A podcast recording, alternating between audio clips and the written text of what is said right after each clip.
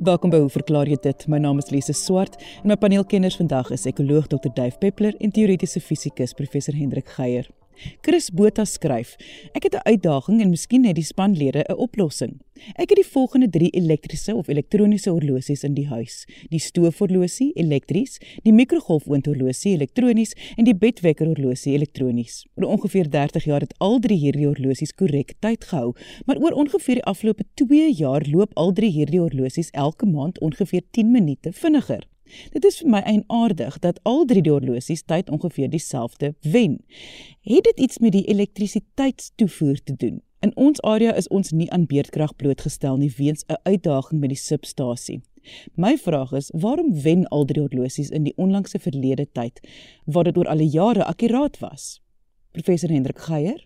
Goeiemôre Lize. Kom ek begin uh deur net eers kommentaar te lewer op die inligting wat Chris vir ons gegee het of gestuur het naamlik dat uh waar hy bly hulle nie aan beerdkrag blootgestel is nie. En hy verduidelik nou hoekom soos Lize daar voorgehou het. Hy is versigtig genoeg om nie te sê waar hy bly nie. Ek neem aan hy wil nie hê die mense moet almal skielik daar instroom om in sy omgewing te kom bly om van hierdie voordeel gebruik te kan maak nie. Maar ook al wat ons met ander woorde onmiddellik kan uitskakel is die moontlike effek van 'n uh, wisselrigter in Engelse inverter uh, as 'n as 'n moontlike bron vir die feit dat hy agterkom dat sy oorlosies besig is om tyd te wen. Uh, terloops dit is nie onbekend dat wanneer jy aangewese is of of gebruik maak van so 'n wisselrigter uh, dit die uh, lynfrekwensie van jou elektrisiteit wel kan beïnvloed nie miskien nie heeltemal so stabiel soos normaalweg nie dit is duidelik hier uitgeskakel en ek sal nou nou verder verduidelik hoekom ek uh hoegenaamd hierna verwys het. Ek gaan nou twee hooftipes horlosies bespreek wat op elektroniese funksionering wat op sy beurt natuurlik elektries gevoer word aangewese is Uh en dan moet jy miskien nou maar uh met die inligting verder nagaan wat van toepassing sou kon wees op jou onderskeie oorlosies. Maar die feit van die saak is uh Chris het nou daar drie oorlosies uh wat van tevore baie akkuraat tyd gehou het en ja, hy sê die afgelope 2 jaar of so verloor of wen hulle omtrent so 10 minute per maand. Nou eerstens miskien net vinnig as 'n mens nou wonder hoe 'n groot effek dit is 10 minute klink baie maar as dit 30 dae in 'n maand is 24 uur per dag 60 minute per uur uh, dan vind jy uit jy praat hier maar van 'n 0.023% effek so dit is nie baie groot effek persentasie gewys uitgedruk nie maar nietemin uh akkumuleer hierdie natuurlik oor tyd en 'n mens moet dan nou gedurig jou oorlosie weer regstel. So hoe werk hierdie tipe oorlosies? Daar's twee hooftipes. Die die een tipe gebruik van uh, maak gebruik van 'n kwartskristal. Dit is iets wat uh in jou oorlosie ingebou is en jy hou die kwartskristal aan die werk tipies met 'n battery. Uh die ander tipe maak gebruik van die sogenaamde lynfrekwensie van die elektrisiteit wat jy kry in Suid-Afrika is dit veronderstel om 50 Hz te wees met ander woorde 50 siklusse 'n mens kan dit nou op verskillende maniere in gewone woorde uitdruk, maar jy sou kon sê in in in 1 sekonde uh wissel die rigting van die stroom 50 keer. En jou oorlosie gebruik nou hierdie 50 Hz uh as 'n maatstaf uh om elke elke keer wanneer hy 50 pulse gekry het, 'n manier te hê om 1 sekonde af te tik. So kom ons kyk 'n bietjie meer detail na hierdie goed en ek begin deur net vinnig iets te sê oor jou kwarts gebaseerde oorlosie. Dis nou tipies wat 'n mens kry uh in 'n polsoorlosie waar jy hierdie gewone uh 3 volt lithium batterytjie so klein klein plat knoppie batterytjie gebruik as bron vir die vir die elektrisiteit in jou uh wekker langs die bed uh is dit tipies maar 'n dubbel A 1.5 volt battery maar jy het so 'n battery nodig om hierdie kwartskristal sy ding te laat doen. Nou wat doen hierdie kwartskristal? Miskien moet ons net eers sê kwarts oftewel silikondioksied is iets wat natuurlik natuurlikerwys voorkom, maar vir die doeleindes van tydhou apparate word hierdie goed deesdae ook sinteties vervaardig. en hulle het die eienskap dat hulle as 'n sogenaamde piezo-elektriese resonator kan optree. Nou, wat beteken dit? Wel aan die een kant kry 'n mens kristalle wat die eienskap het dat as jy hulle effentjies vervorm of druk op hulle toepas, uh, dan skep jy daarmee 'n elektriese veld. Terselfdertyd kan die omgekeerde ook gebeur, naamlik as jy 'n elektriese veld oor so 'n kristal aanlê, dan kan jy hom effentjies vervorm en die fisiese toedrag van sake kan jy nou inspann om iets te skep wat osilleer en baie akkuraat en voorspelbaar osilleer uh en dit dit word bewerkstellig nou uh deur die grootte van die kristal die die manier waarop die ding gevorm en geslyp is uh wat jy aan hom aanheg uh, al hierdie goed bepaal uiteindelik die frekwensie waarteen so 'n kristal uh sal vibreer en wie, hy vibreer omdat hy telkens weer na sy oorspronklike vorm terugkeer wanneer die elektriese veld afgeskakel word. So uh op hierdie manier bewerkstellig jy dan uiteindelik uh iets wat teen 'n baie spesifieke tempo uh osilleer. En nou in in gewone oorlosies is die standaard frekwensie wat gebruik word baie dikwels 32768 Hz. Uh hoekom hierdie spesifieke getal? Wel dit is aan die een kant 2 tot die mag 15 en 32768 Hz is vir die meeste mense eintlik vir alle mense nie 'n hoorbare frekwensie nie. Menslike gehoor word tipies aangegee as synde tussen 20 en 20 kHz. So jou kwartskristalletjies geosilleerder, hy gaan nie jou ore seermaak aan die een kant nie, maar aan die ander kant is dit so spesifiek gekies 2 tot die mag 15 want jy soek nou iets wat op 'n manier kan tel en wat 'n mens nou met hierdie 2 tot die mag 15 kan doen is jy kry redelik lae koste ehm uh, tellers tipies in die vorm van wat genoem word 'n 15 bit binêre digitale teller wat nou so is dat as hierdie frekwensie vir hierdie teller gevoer word dan elke elke sekonde gaan hierdie ding uiteindelik oorvloei of vol word en dan kan hy 'n digitale puls gee. So 2 tot die mag 15 pas nou net mooi in hierdie 15 bit binêre digitale teller in op so 'n manier dat na 1 sekonde is al die busse vol en dan gee hy een puls uit en dan herhaal die proses om. So dis duidelik nie iets wat deur wat by Eskom gebeur beïnvloed word nie hierdie kwartskristal met sy batterybron tel eenvoudig sy sekondes af en hierdie goed is baie akkuraat. Hulle 'n um, ander voordeel van hierdie kwartskristalle is dat hulle uh, baie stabiel is uh, onder temperatuurwisseling. So uh, klein verandering in temperatuur in jou huis of buite of waar jy ook al is, gaan nie 'n effek regtig hê uh, op hierdie kwartskristal se funksionering nie. En wat 'n mens lees is dat hierdie goed is akkuraat tot tipies 6 dele per miljoen, met ander woorde 0.0006%. Baie akkurater as wat ons net nou genoem het, uh waarmee Chris te maak het met sy 0.023% as hy 10 minute per maand verloor.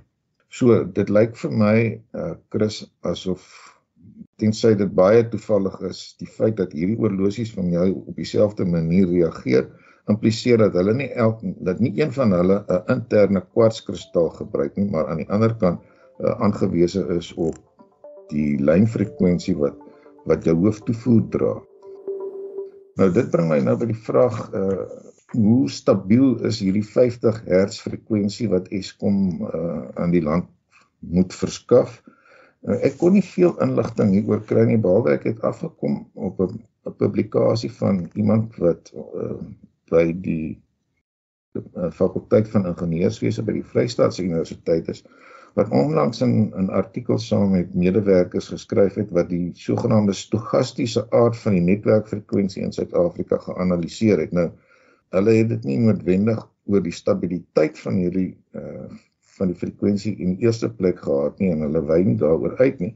Maar wat 'n mens erns in hierdie artikel kry is 'n analise wat uh, vir jou wys, hulle doen dit nou in vergelyking met wat wat bekend staan as die kontinentale Europese netwerk wat ook 'n 50 Hz netwerk is en die net en die Noordiese netwerk ook 'n 50 Hz netwerk. Uh en nou vergelyk hulle die die wisseling in frekwensie wat nou baie akkuraat gemeet word uh oor tyd. Terloops, hulle kom tot die slotsom dat Suid-Afrika se wisselings baie soortgelyk is as die patroon van wisseling baie soortgelyk is as die in uh in kontinentale Europa. Maar wat my opgeval het, is die feit dat vir die een periode waar hulle nou die detail aangee op 'n grafiek, sien jy dat Suid-Afrikaanse frekwensie rondom 49,7 Hz osilleer. Nou as dit deurlopend uh, rondom hierdie frekwensie geosilleer het, dan sou Chris se uh, oorlosie stadiger geloop het aan die een kant en verder 49,7 uitgedruk as 'n persentasie van 50 gee vir jou 'n 6% wisseling wat weer eens ook uh, heel wat hoër is as die 0.023 wisseling wat uh, Chris waarneem. So dit lyk dit lyk nie vir my asof 'n mens onmiddellik uh, tot een of ander gevolgtrekking kan kom nie behalwe wat ek moet byvoeg is 'n mens kan nie van hierdie interval waaroor die 49,7 Hz gemeet is, soos omtrent 9 of 12 uur aflei dat dat dit konstant die afwyking is wat ons in Suid-Afrika ervaar nie want wat wat hier uh hoof elektrisiteitsverskaffers tipies doen is om hierdie frekwensie baie stadig te laat verander. Hulle monitor dit natuurlik en die manier waarop hulle dit stadig verander is om te sorg dat oor 'n 24 uur periode uh daar presies dieselfde verlangde hoeveelheid siklusse is wat wat sê ons Wel in 24 uur is daar 24 maal 60 maal 60 uh, sekondes en as daar 50 siklusse per sekonde is, sit jy uiteindelik met 4 miljoen 320 000 siklusse per 24 uur. En dit is wat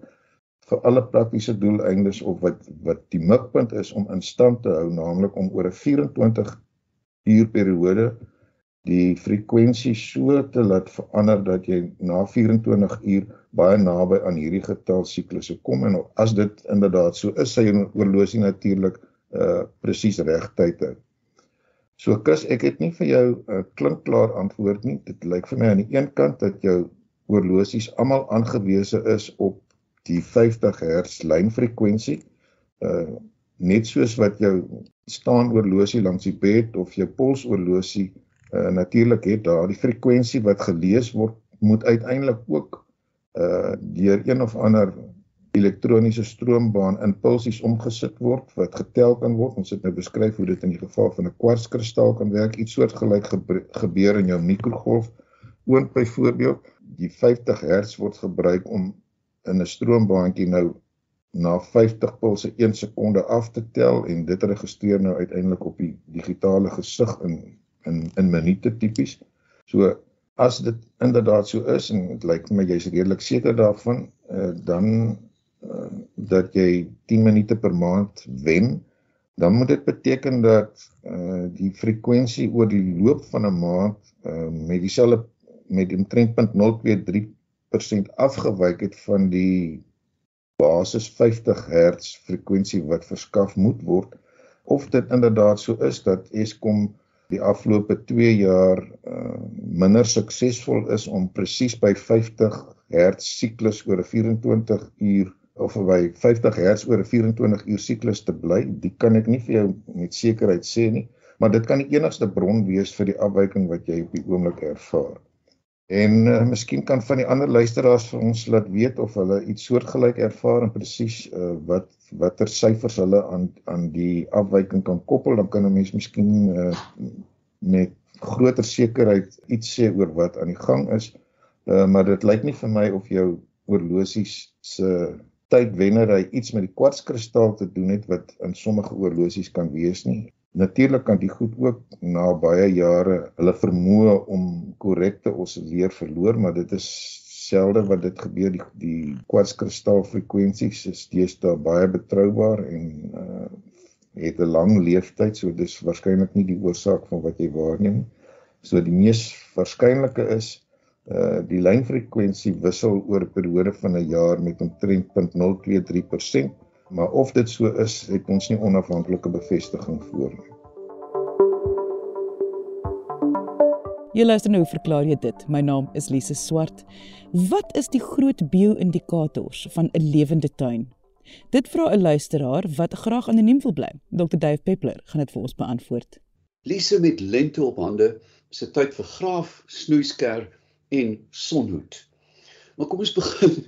Kom ons begin by my tuin. 4 jaar gelede het ek 'n nuwe tuin aangelê op 'n rommelhoop wat oor 28 jaar opgebou is. Stukkende stootwaans, potte onder die bed, bottels gemors. Vir 28 jaar het die grond gelê. En toe begin ek tuin maak. Voordat nou eintlik verder gaan, wil ek eintlik sê die idee van my tuin was die tuine uit my jeug en ek wou iets daarvan herskep. Van 'n rommelhoop 4 jaar later het ek in my tuin skeerbekmuise, suikerbekkies, slangetjies, almal van hulle het spontaan gekom in 'n see van eenvormigheid van waar ek woon. Nou, kom ons kyk nou 'n bietjie na die riglyne om die natuur tot teen jou ruit te bring in eie tuin. Een plant 'n tuin vir bestuivers. Reg oor die wêreld is insekte uh, getalle besig om dramaties ineen te tuimel vir al die bye. Met ander woorde, met fyn beplanning kan ons eintlik 'n 'n kalender van plante aanbring in ons tuin wat reg deur die jaar stuifmeel en nektar voorsien. En dit is natuurlik glad nie beperk tot bye nie. Dit dit geld vir skoenlappers, dagmotte, nagmotte. Kom ons kyk gou dagmotte, die pragtige kolibrie mot. Hy lyk letterlik soos 'n kolibrie, hang stil in die lug met 'n lang tong. Um ons kan hulle letterlik heel jaar in ons tuin hê. So, as jy dan dink in terme van wat blom trapsgewys deur die jaar begin in die lente met wille daggang en trek dit deur, nou nie noodwendig altyd inheems nie, maar iets soos heliotroop wat byna die hele jaar blom. Dan moet ons ook lewensruimte, die Duitse Lebensraum, aan groter diere probeer voorsien. Ons dink hier aan indien jy naby aan die rand van 'n dorp bly, 'n uilnes wat jy kan aanbring teen jou gevel, um en dit sal uiteraard dan ook die uh, die ongediertes in vorm van rotte en muise om jou huis beheer uh net hier 'n uh, vinnige wenk. Ek sit natuurlik met 'n kat wat baie lief is vir voeltjies vang en nou in die lente moet sy maar 'n klokkie dra. So, klokkie in my nek, dit help dan 'n bietjie om die voel se lewens te red. In 'n land wat gebuk gaan gereeld onder watertekort en droogtes, moet ons die die bestuur van water in ons tuin herbesin. Dit is eintlik net een wenk in plaas van elke tweede dag 'n bietjie nat maak aan die oppervlak, maak eenmal die week diep nat. Wat doen dit? Dit dwing die wortels om dieper te soek en maak hulle gebuffer teen droogte. Wat vir my natuurlik verskriklik ironies is, Lise, is dat ons ons tuine nat maak met drinkwater, gesteriliseerde water. Met ander woorde, indien jy dit kan bekostig en die geologie dit toelaat, probeer 'n boorgat, maar onderskep asseblief ook reënwater. En nie net reënwater nie, as jy lugreëling aan jou uh, huis gebring het, weet jy daar is 'n pypie wat drup. Jy sal verstom wees hoeveel water een lugreëlaar in 'n dag produseer. Jy kan letterlik al jou potplante nat hou. Dan plant meer bome. Ek praat al jare lesse oor hoe eenders ons tuine geword. Ek voel daar's net een kweker in die land en alle tuine se plantjies kom daar uit. Ek ry deur die dorp en ek is verveeld met die eendersheid van die tuine. Plant meer bome. Hoekom? Want dan skep jy 'n weide, die Engelse meadow. Daar is die argitektuur van struik en boom um en blomplante wat vir 'n groter verskeidenheid lewe dan tuiskoms bied. Met ander woorde, daar is nisse, daar is klein plekkies om nes te maak, te sit, te slaap. En so van nis gepraat. Nis is nie net een sirkel in jou tuin nie.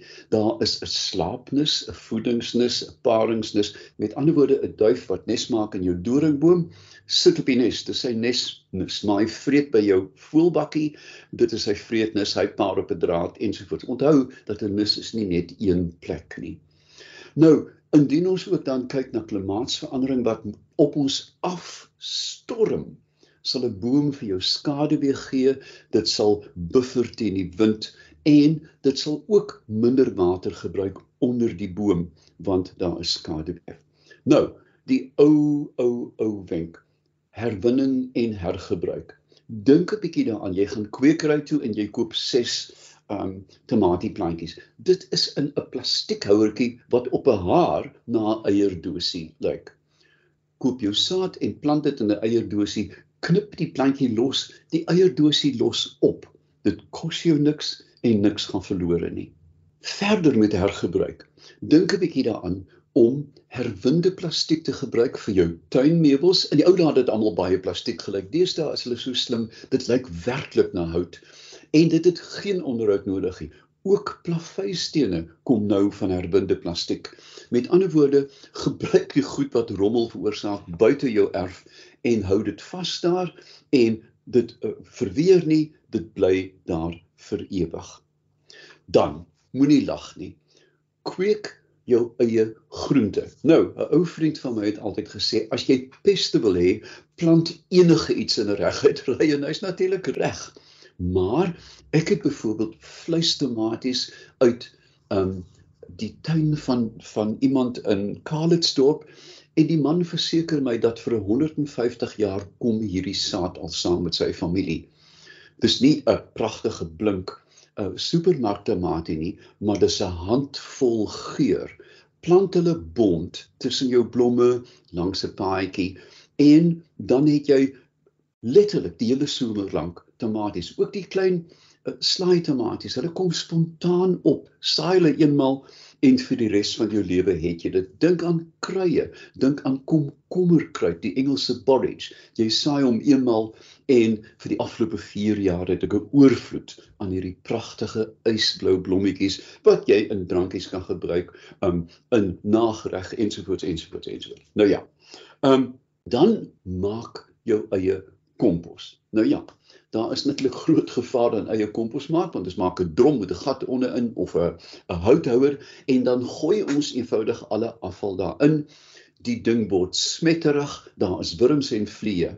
Onthou, lewende kompos is 'n koek met laag, 'n laag blare, dan aartappelskille, grasnysels. Maak hierdie toebroodjie van laag en skielik en oornag het jy goeie kompos. Met ander woorde, ehm um, jy moet dit 'n konstruksie maak.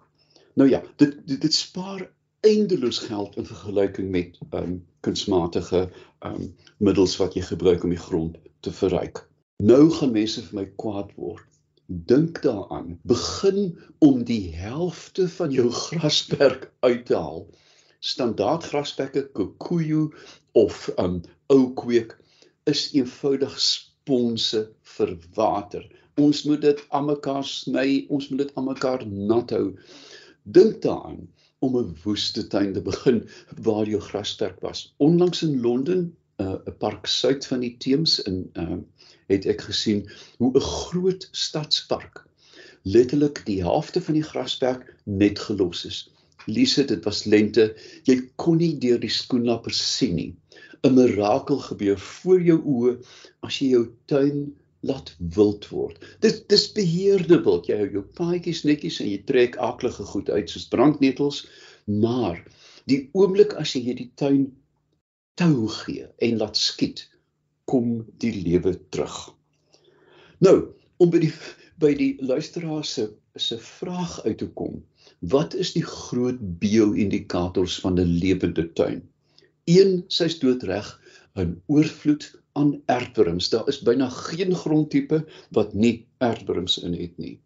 Dan saam met die aardwurms kom die molle waaroor waaroor ons so baie kla, maar dink daaraan, dis lewe, dis lewe. Insekte natuurlik, baie skoenappers, motte, um kokies. Die gewone ou tuinkokie is een van die beste bio-indikators van 'n gesonde tuin, maar bovenal Die grootste en beste een is daai pragtige voeltjie die hoep hoep. As daar hoep hoep in jou tuin boer, dan weet jy jy maak reg tuin. Tuine hoef nooit 'n las te wees nie.